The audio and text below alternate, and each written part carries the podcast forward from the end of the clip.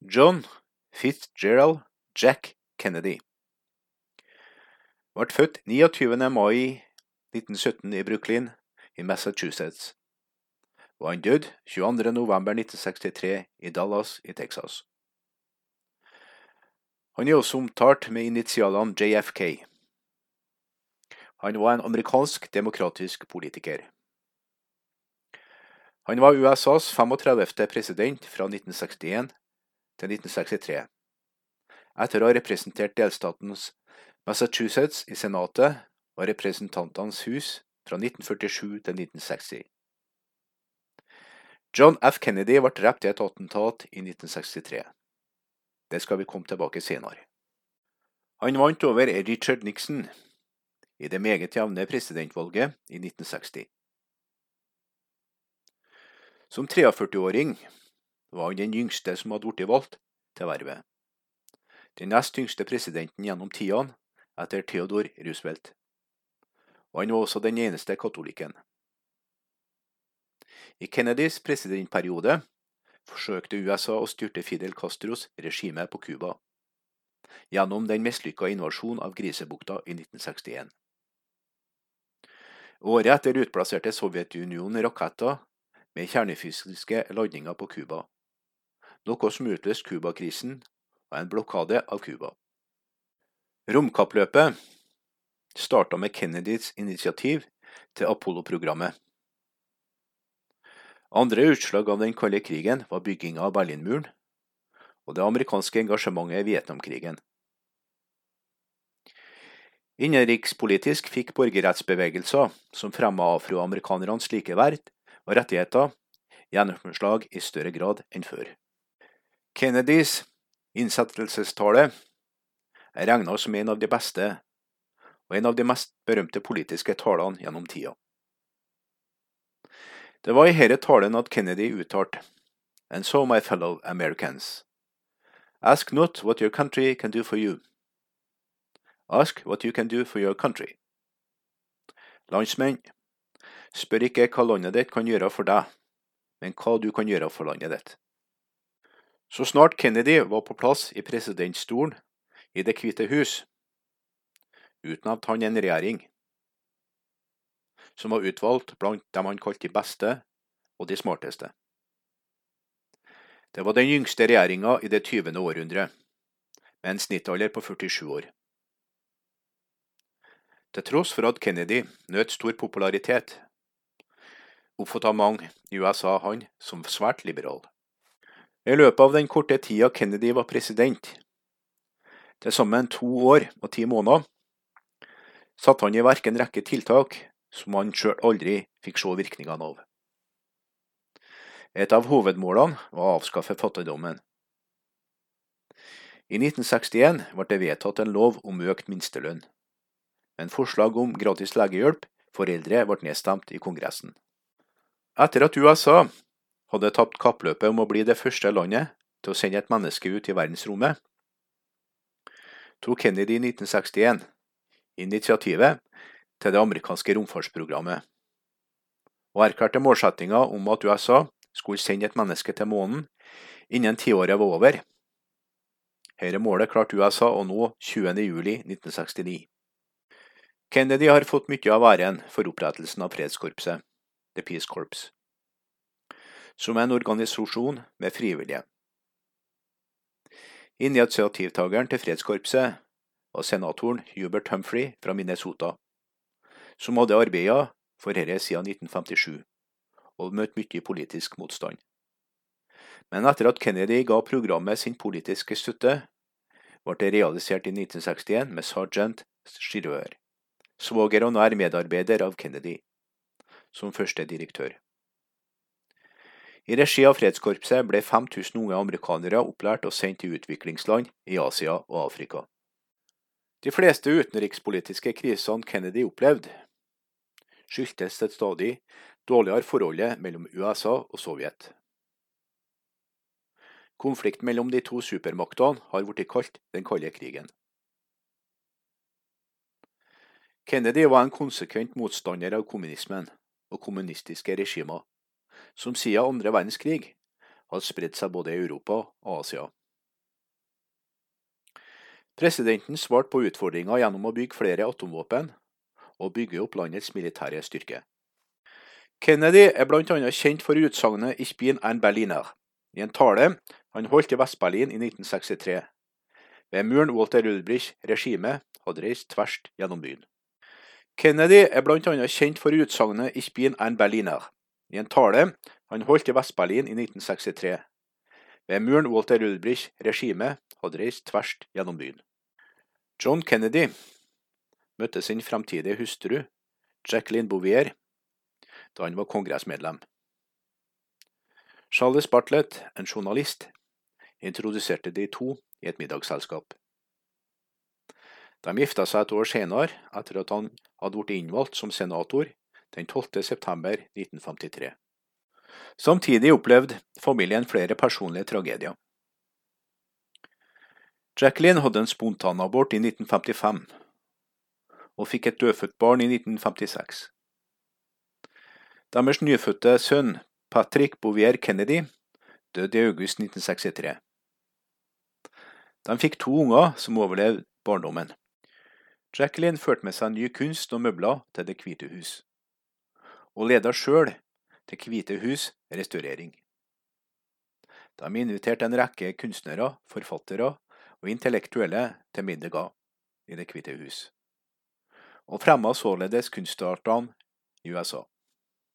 Presidenten var nært knytta til populærkulturen, fremheva av sanger som Twisting at the White House.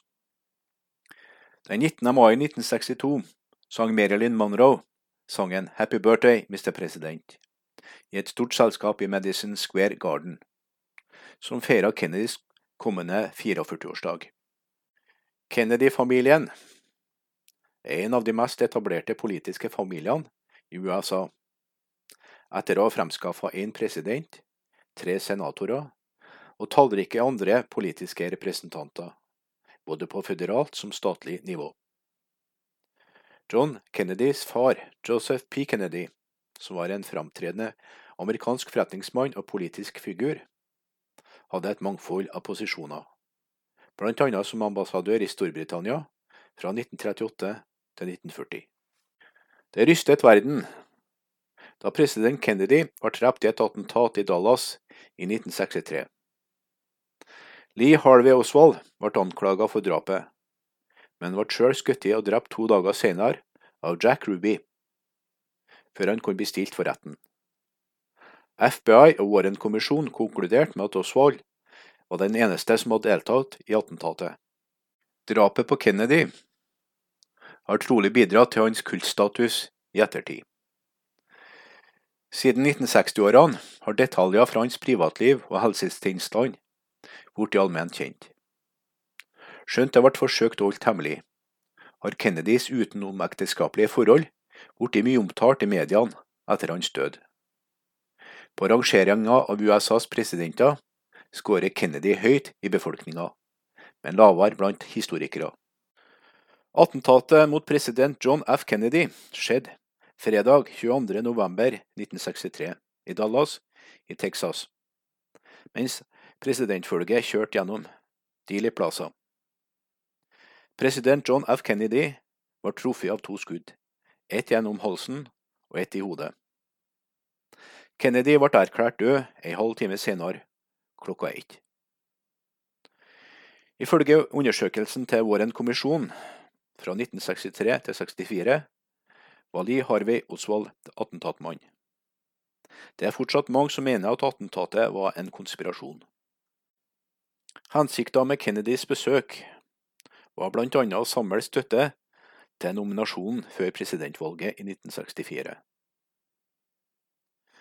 Ved valget i 1960 hadde Kennedy vunnet delstaten Texas med knapp margin, sjøl om han stilte med texaneren Lynn B. Johnson som visepresidentkandidat. Texas er en av de mest folkerike statene i USA, og hadde på dette tidspunkt hele 24 valgmannsstemmer i det kollegiet som til slutt valgte presidenten. I Texas var det vokst frem to motstridende fløyer i Det demokratiske partiet. Representert med den liberale senatoren Ralph Yarborough og den konservative guvernøren John Connolly. Hvis ikke Kennedy klarte å forene partiet, kunne han neppe regne med å vinne Texas på nytt i 1964. Kennedys besøk til Texas ble planlagt i oktober 1963. I løpet av to dager skulle Kennedy og Johnson besøke fem større byer, blant dem Dallas. I Dallas skulle de kjøre i en bilkortesje gjennom byen. Bilkortesjens rute sto på trykk i begge Dallas-avisene 19.11, mens et detaljert kart over ruta ble publisert 21.11.1963. Air Force One ankom flyplassen Lovefield utenfor Dallas klokka 11.40. Planen var at presidenten skulle dra en bilkortesje fra flyplassen gjennom byen til ei varemesse, hvor han skulle holde en tale. Kennedy og fru Jacqueline satt i baksetet på presidentens bil. Foran dem satt guvernør Connolly og fru Nelly på klappsetet. I en bil lenger bak i kortesjen kom visepresident Johnson med fru Ladybird og senator Jarboro. Bilkortesjen ankom Houston Street like før klokka 12.30. Etter to kvartaler svingte kortesjen 120 grader inn på Elm Street forbi skoleboklageret Texas School Book Depository.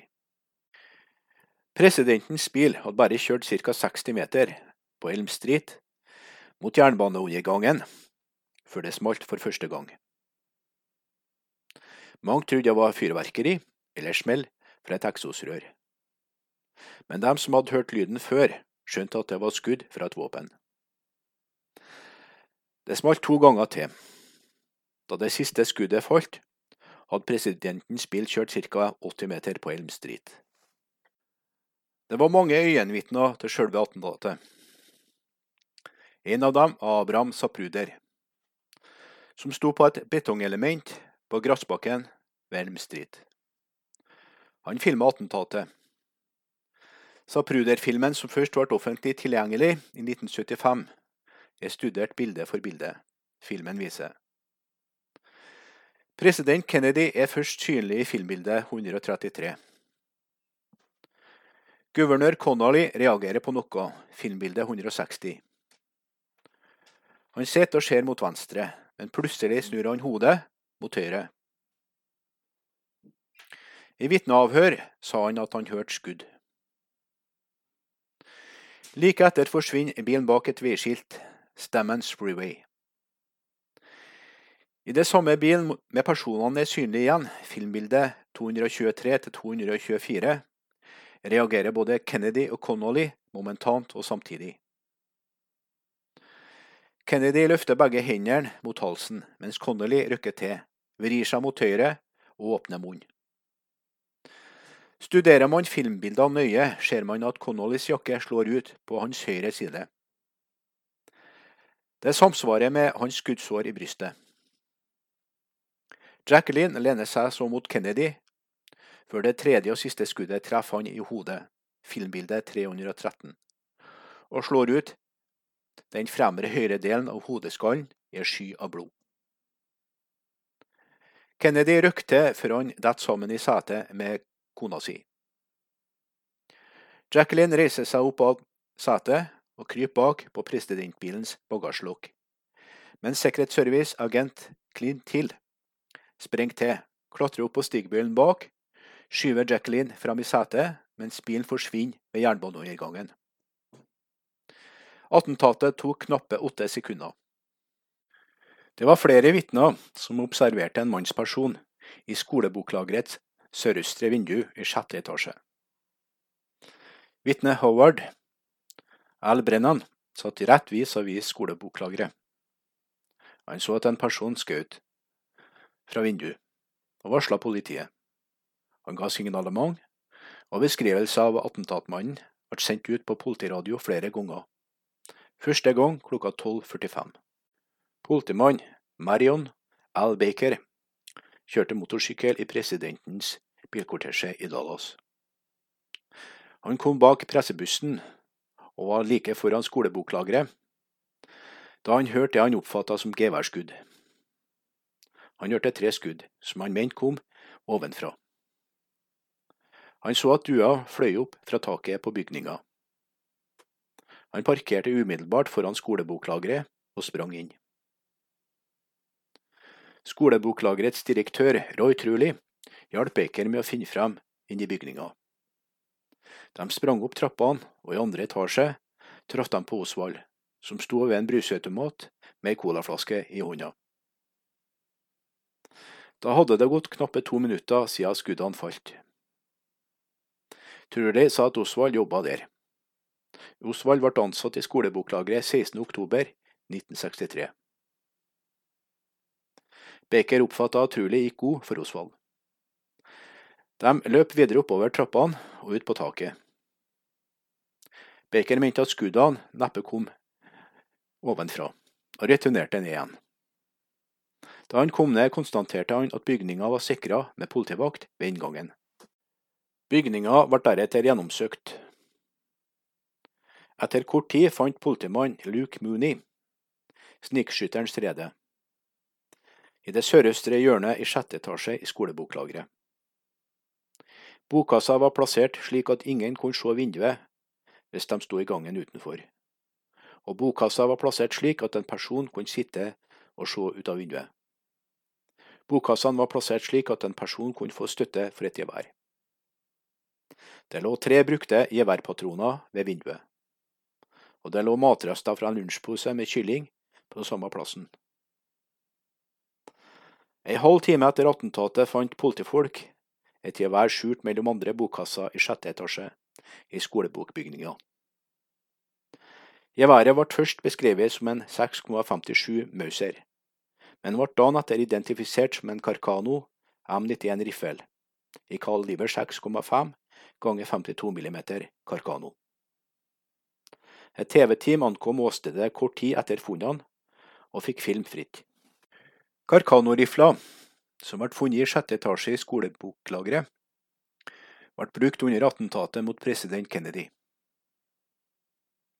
Ballistiske eksperter fra FBI har knytta rifla med serienummer C2766 til den kula som ble funnet på guvernør Connolys båre på Parkland Hospital, bevis CE 399, den berømte single bullet til kulefragmenter funnet i presidentens bil, og til de tomhylsene som ble funnet i skoleboklagerets sjette etasje. FBI fant det bevist at Klein Sporting Goods Company hadde sendt en Carcano-riffel med serienummer C2766 til en person kalt A. Hiddel, med postboksadresse 2915 i Dallas. Lee Harvey Oswald hadde ledd denne postboksen fra 9. oktober 1962 under aliaset Ahidel. Skrifteksperter konstaterte at det var Osvalds egen håndskrift på postordren fra Ahidel. Osvald hadde kjøpt en smittende Wesson 38 på samme måte i januar 1963. Også herre er navnet på Ahidel. FBI identifiserte Osvalds håndavtrykk på skjeftet og løpet av Karkonoli fra. Det ble også funnet fiber fra Osvalds T-skjorte på treskjeftet. Det ble funnet flere bilder av Osvald, der han poserte med den samme rifla i bakgården hvor han bodde. Osvalds kone, Marina, fortalte vår en kommisjon at det var hun som hadde tatt bildene. Carcano-rifla ble oppbevart i garasjen til Michael Arut Payne i Dallas, hvor Marina Osvald bodde på dette tidspunktet.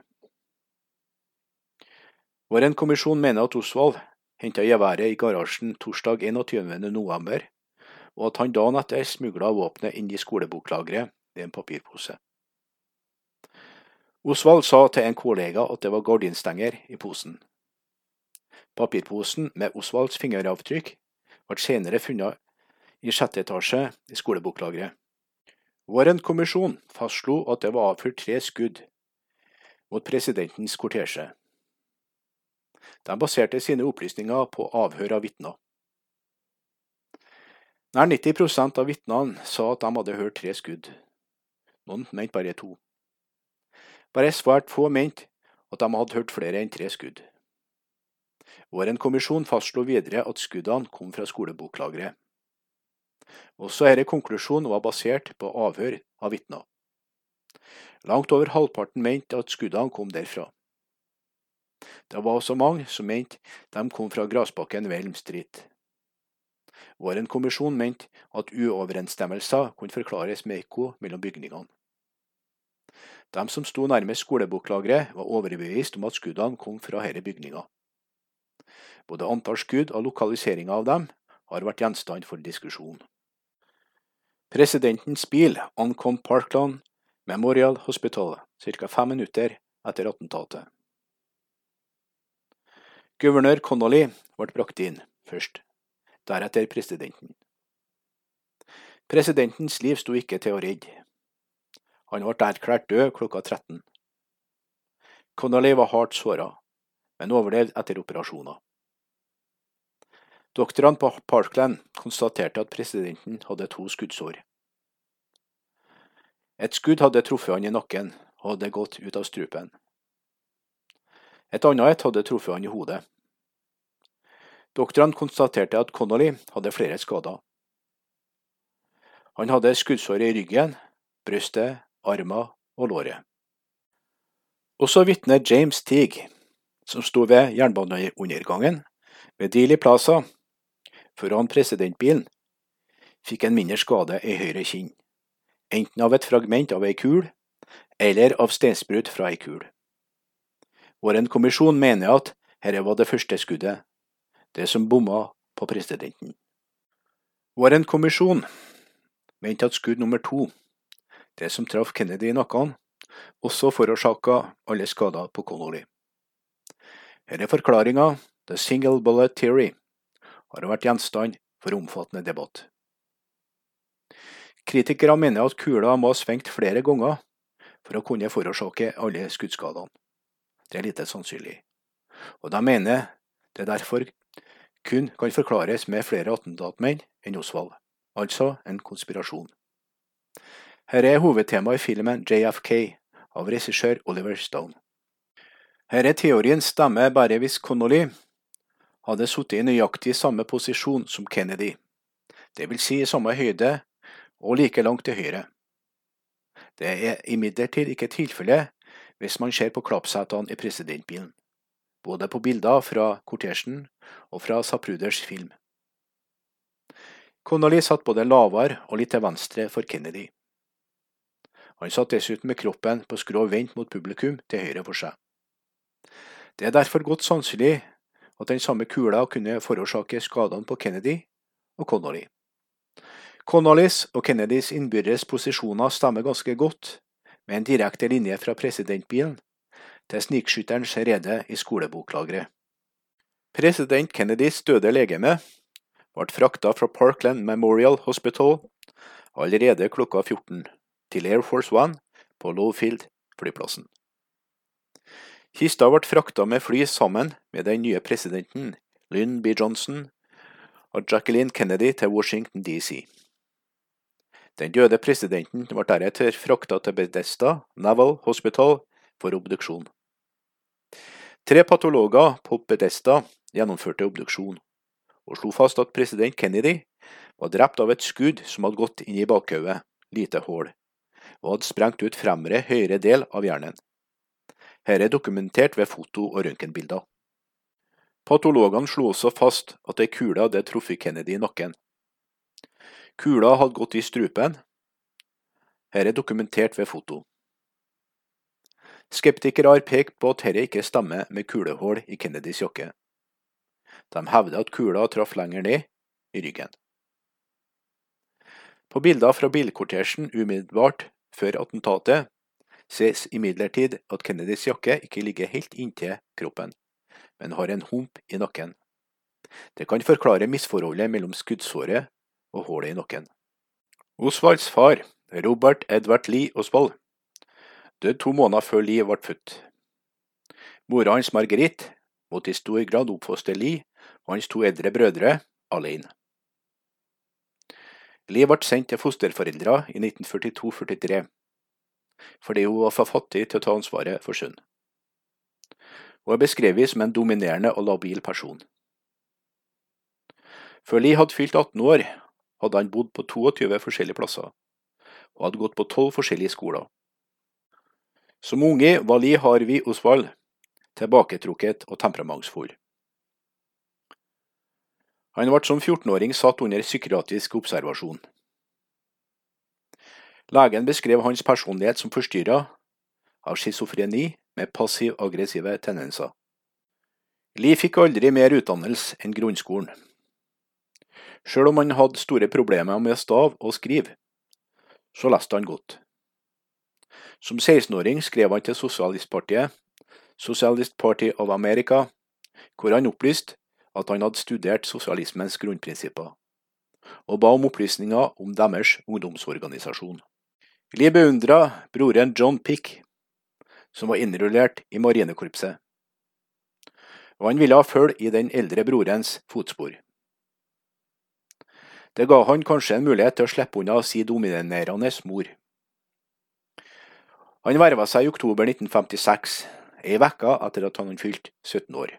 I denne tida fikk Lie skytetrening. Han oppnådde graden skarpskytter i desember 1956. Sjøl om han senere fikk en lavere grad, marksman, så ble hans skyteferdigheter beskrevet som over gjennomsnittet. Osvald tjenestegjorde som radaroperatør, først i California, senere i Japan. Han ble dimittert i 1959. Etter dimitteringa hoppa Osvald av til Sovjetunionen. Han forlot USA i september 1959, og ingen førte fra han før han møtte opp i USAs ambassade i Moskva i oktober 1959, hvor han ville frasi seg sitt amerikanske statsborgerskap. Osvald ble opprinnelig godt mottatt av de sovjetiske myndighetene. Men da de oppdaga at han ikke hadde noe å tilføre, ble hans søknad om sovjetisk statsborgerskap avslått. Deprimert forsøkte Osvald å ta sitt eget liv. De bekymrede sovjetiske myndighetene holdt Osvald under psykiatrisk observasjon. De frykta internasjonale konsekvenser. Mot KGBs ønske lot myndighetene ham bli Sovjetunionen, og ga han jobb som metallarbeider på den hviterussiske radio- og fjernsynsfabrikken i Minsk. Til tross for at han hadde bedre levestandard enn de fleste russiske arbeiderne, mistrivdes Osvald. Han traff den 19 år gamle farmasistudenten Marina Prusakova, som han gifta seg med. Den 1. juni 1962 reiste paret til USA, og slo seg ned i Dallas-området. Marina og Lee Harvey Oswald bosatte seg i Dallas-Fort Worth-området, hvor hans mor og bror bodde. Han tok flere jobber i denne tida, men han var utilpass og misfornøyd. I juli 1962 fikk han jobb i Leslie Wielding Company, men mislikte arbeidet og slutta etter tre måneder. I oktober 1962 fikk han jobb som trainee i Jagger Childs Stowell, en grafisk bedrift. Her kan han ha laga forfalska identifikasjonspapirer, som senere ble funnet i navnet til Alec Hiddel, et alias han brukte når han kjøpte våpen. Osvald fikk sparken i april 1963. I Dallas bodde den svært høyreorienterte general Erwin Walker. Walker hadde engasjert seg mot at farga studenter skulle få studere ved universitetet i Mississippi. Walker tok del i opptøyene som fulgte, hvor to personer ble drept, og det ble reist sak mot han. Anklagene ble henlagt 21.1.1963. Få dager senere bestilte Osvald en revolver i navnet T.A. Hiddel til sin egen postboks i Dallas. Den 5. mars 1963 holdt Walker en tale der han angrep amerikanske myndigheter for å ha oppgitt Cuba. Syv dager senere bestilte Osvald en Carcano M91-riffel. Også den gir navnet til A. Hiddel, og til sin egen postboks. Osvald mente at Walker var en fascist. Han begynte å skygge Walker. Blant Oswalds etterlatenskaper fant politiet senere flere bilder av Walkers hjem. 10. april 1963, ti dager etter at han hadde fått sparken, avfyrte Oswald et skudd mot Walker mens han satt på arbeidsrommet sitt. Kula traff vinduskarmen, og Walker ble såra i armen av kulefragmenter. Politiet hadde ingen mistenkte etter skyteepisoden, før etter arrestasjonen av Osvald 22.11. Det var Marina Osvald som fortalte politiet om attentatet. Politiet mente at det var svært sannsynlig at kula fra attentatet mot Walker kom fra samme våpen som senere ble brukt mot Kennedy. Etter attentatet mot general Walker dro Osvald til New Orleans 25. april 1963 og ble der i fem måneder. Han fikk jobb i Rayleigh Coffee Company i mai, men fikk sparken etter to måneder. I denne perioden vurderte Osvald å returnere til Sovjetunionen. Osvalds politiske interesse dreide seg hele tida om Fidel Castro og Cuba. Han ble medlem av organisasjonen The Fair Play for Cuba Committee, og delte ut løpesedler som var pro Castro. Også her brukte han pseudonymet Alec Kidel. Han kom i håndgemeng med antikastrofolk og havna i fengsel 9.8.1963. Herre fikk medieomtale. Hans aktivitet er dokumentert på foto og på film. Osvald deltok også i en radiodebatt. Osvalds opphold i New Orleans er bakgrunnen for at statsadvokat Jim Garrison i 1966 starta etterforskning av et mulig New Orleans-spor i attentatet mot Kennedy. Garrison var overbevist om at en gruppe høyreaktivister var involvert i en konspirasjon med CIA for å drepe Kennedy, og at Oswald var en del av dette. Garrison skrev senere boka On the Trial of the Assassins, som Oliver Stones film JFK er basert på. Sendt i september 1963 forlot Marina og Lee New Orleans. Marina flytta tilbake til Dallas, der hun tok inn hos et annet par. Lee Harvey Oswald dro med buss til Mexico, hvor han forsøkte å skaffe seg visum til Cuba. Han møtte opp på den cubanske ambassaden og hevda at han skulle reise til Sovjetunionen via Cuba. Ambassaden ba om bekreftelse på dette, men Osvald hadde ingen papirer som kunne dokumentere det. Det er spesielt denne reisa som har gitt næring til spekulasjoner om hvorvidt Osvald gjennomførte attentatet mot Kennedy på vegne av Cuba Castro. Osvald returnerte til Dallas 3.10.1963. Han tok inn på et pensjonat og begynte å se seg om etter arbeid. Han fikk jobb i skoleboklageret Texas Schoolbook Depository fra 16.10.1963. Marina bodde hos et vennepar i Irving, ca 24 km fra Dallas sentrum. I november 1963 opplyste Dallas-avisene at president John F. Kennedy skulle kjøre en bilkortesje gjennom byen, rett forbi skoleboklageret hvor Osvald jobba. Torsdag 21.11.1963 ba Osvald om å få sitte på med Buell Wesley Frazier, en av kollegaene sine til Irving. Han ba om å bli henta neste dag, og forklarte kollegaene sine at det var gardinstenger som var en plastpose han bar med seg.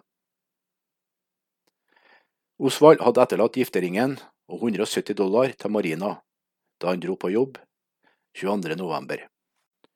Etter at politiet hadde sikra skoleboklageret, ba de om identifikasjon av alle ansatte. Direktør Truli oppdaga etter ei tid at Osvald ikke lenger var til stede i bygninga. Han opplyste politiet om dette, og oppga deretter Osvalds signalement og hjemmeadresse. Osvald hadde forlatt skoleboklageret gjennom hovedinngangen ca. klokka 12.33. Osvalds senere bevegelser er dokumentert av vitner. Ca. klokka 12.40 tok han en buss på hjørnet av Elm og Murphy Street, syv kvartaler fra boklageret i sentrum av Dallas. Han forlot bussen da den sto fast i trafikken. Han tok drosje ca. fire kilometer til hjørnet av Beckley og Newley Street, fem minutters gange fra pensjonatet hvor han bodde. Ca. klokka 13 ankom han pensjonatet.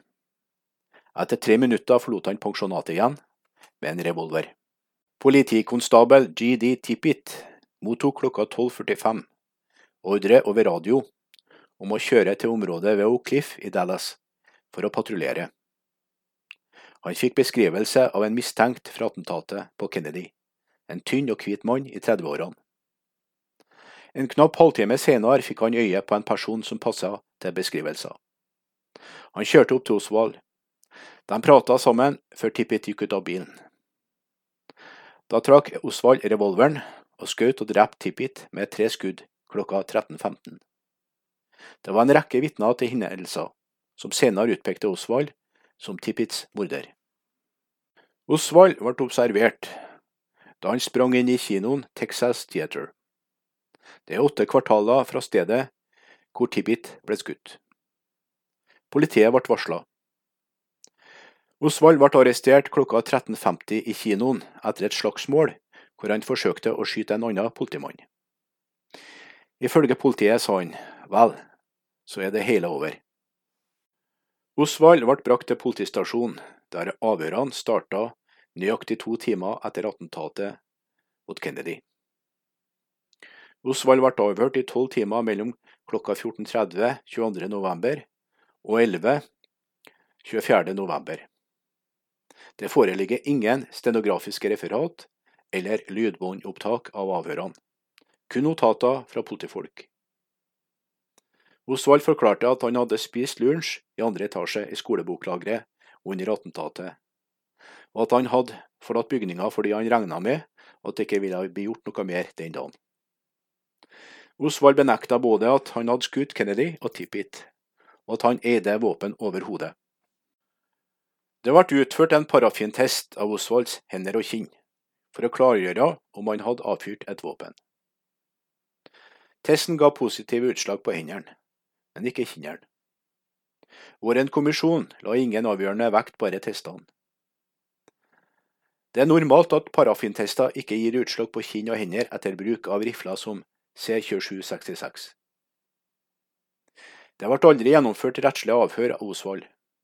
Han fikk ikke juridisk bistand. Osvald ble frakta åpent inne på politihuset.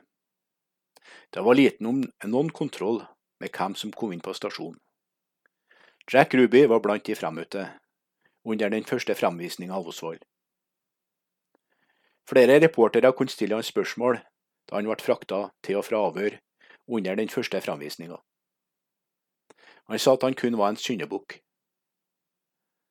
Dette ble vist på TV.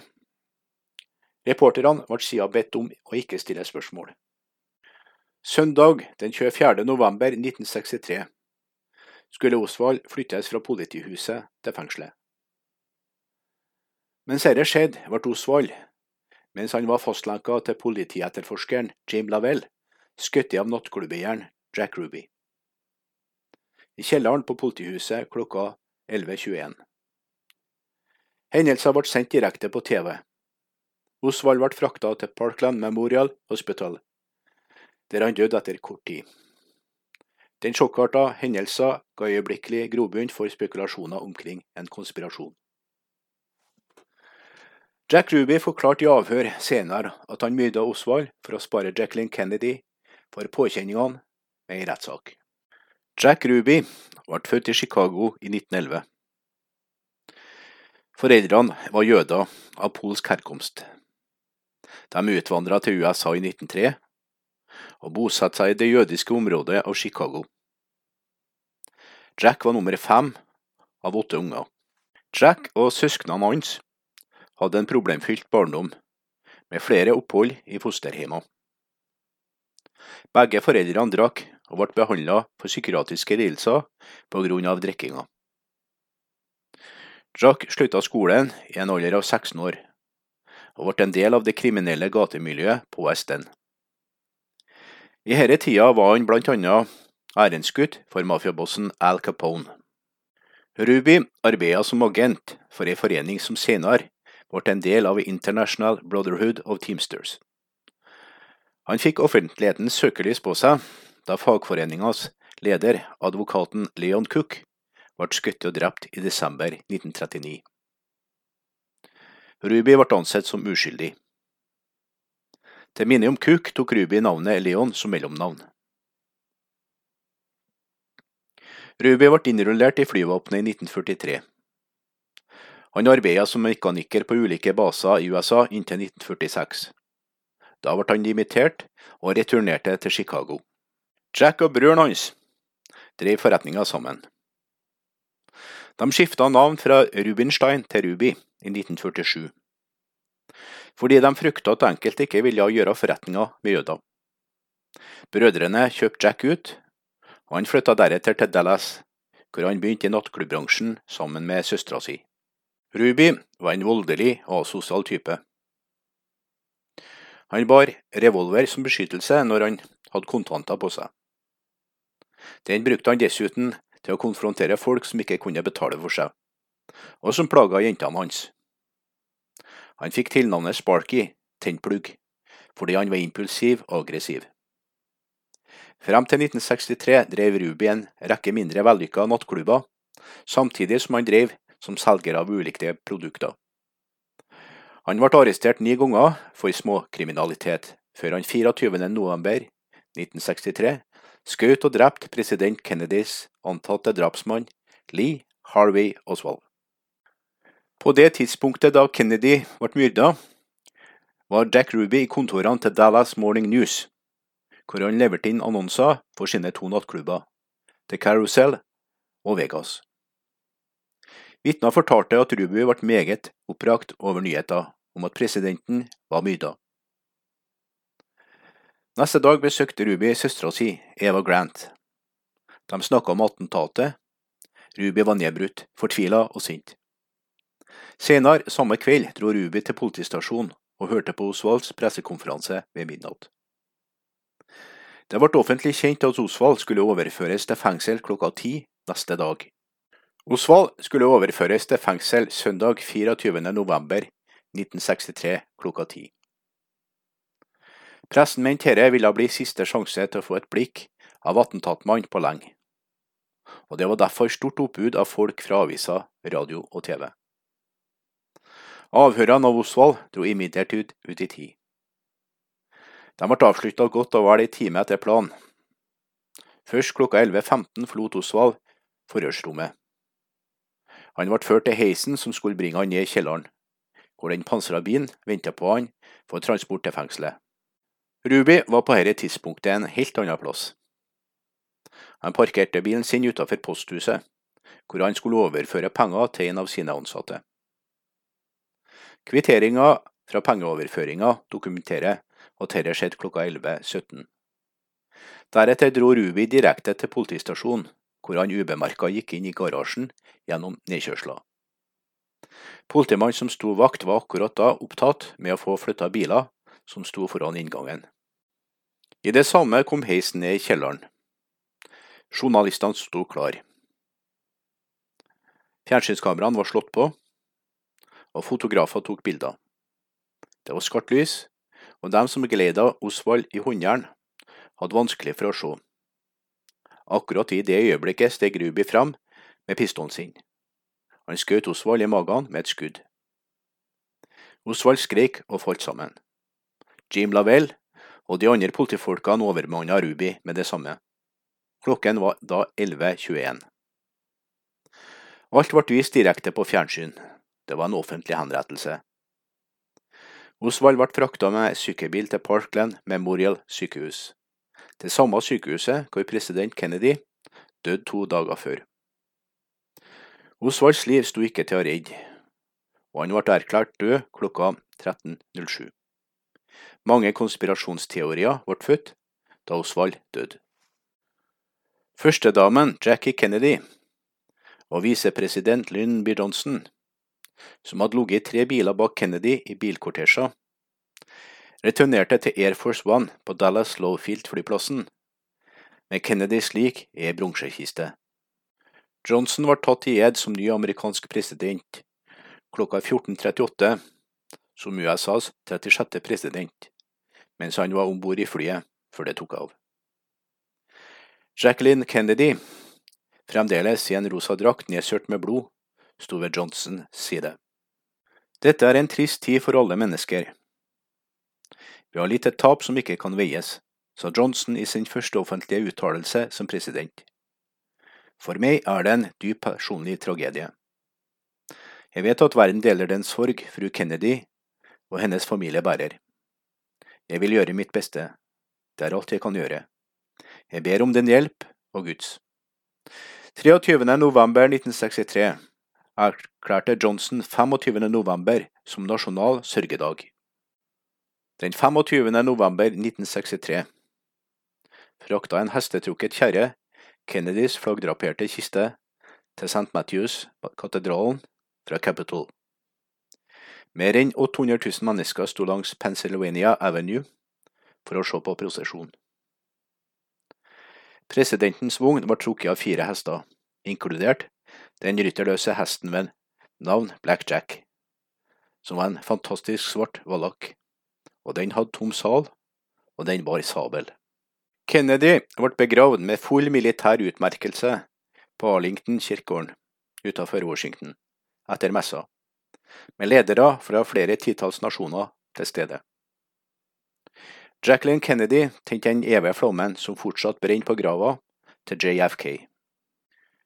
29. november 1963 satte president Johnson i en kommisjon som skulle undersøke omstendighetene rundt attentatet på president Kennedy. Høyesterettsjustitiarius Earl Warren ledet dette arbeidet. FBI ble engasjert i kommisjonens etterforskning. Warren-kommisjonen la fram sin 888 siders lange rapport 24.9.1964. To måneder etter la kommisjonen fram det samlede underlagsmaterialet på 26 bind, herunder vitneforklaringer fra 552 vitner, over 3100 gjenstander og dokumenter. Spekulasjonene om en konspirasjon var for lengst i gang da kommisjonen offentliggjorde sine funn. Kommisjonsmaterialet ble overført til Nasjonalbiblioteket, og ifølge arkivlovene skulle det upubliserte materialet først offentliggjøres etter 75 år, i 2039. Hensikten var å beskytte nærstående slektninger av de impliserte. Det at materialet ikke ble underlagt offentlig kontroll, bidro nok til å redusere rapportens troverdighet. Folk ville ha visst hva som hadde skjedd, ikke bare få konklusjonene. Rapporten ble nesten umiddelbart mottatt med stor skepsis, og siden har det blitt skrevet en enorm mengde med artikler og bøker med til dels andre konklusjoner enn vår rapporten. Arkivlovene ble endret i 1966. Senatet vedtok dessuten JFK Records Act of 1992, og da ble 98% av rapporten offentlig tilgjengelig. Bare person- og skatteopplysninger er fortsatt unntatt offentligheten. Warren-rapportens konklusjoner var Lee Harvey Oswald avfyrte tre skudd mot presidentens bilkortesje. Det første skuddet bomma på målet. President Kennedy og guvernør Connolly var truffet og såra av den samme kula, skudd nummer to. President Kennedy var truffet i hodet og drept av kule nummer tre. Våren kommisjon kritiserte sikkerhetstiltakene under presidentens besøk i Dallas. De som stilte spørsmål om resultatene til Warren-kommisjonen, begynte sjøl å komme med konklusjoner. Dette skulle føre til en mengde bøker, dokumentarer og websider som ble laget om drapet. Cuba er kjernen i mange konspirasjonsteorier. En av teoriene var at Cuba sto bak drapet. CIA hadde flere ganger prøvd å drepe Castro. Drapet på Kennedy var muligens en hevn for disse drapsforsøkene. Oswald var altså på besøk i Mexico City der han besøkte de sovjetiske og cubanske konsulatene. Noen prøvde å knytte Osvald til anti-Castro-gruppa i USA. Disse gruppene var sinte på Kennedy fordi han ikke sendte amerikanske soldater for å støtte eksilcubanerne som gikk i land i Grisebukta. Andre tror at folk i CIA var forbanna på Kennedy fordi han ikke ville sende militære styrker for å erobre Cuba.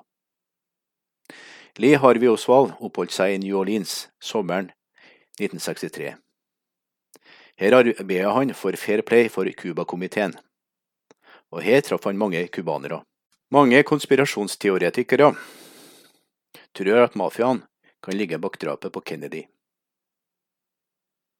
CIA hadde spurt gangstersjefen i Chicago, Sam Giancana, om han ville planlegge å utføre et drap på Kennedy. Mafiaen hadde mista store verdier på Cuba etter at Fidel Castro overtok makten på øya. Mafiaen var også forbanna og redd for justisminister Robert Kennedy, presidentens bror som drev klappjakt på organisert kriminalitet.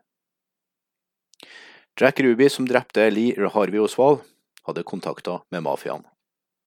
Jim Garrison, som var distriktsadvokat i New Orleans, trodde at antikommunistiske og antikubanske elementer i CIA sto bak drapet på Kennedy. I New Orleans hadde Oswald blitt kjent med forretningsmann Clay Shaw, den tidligere FBI-mannen Guy Bannister og David Ferry. Garrison trodde at disse karene hadde noe med drapet å gjøre.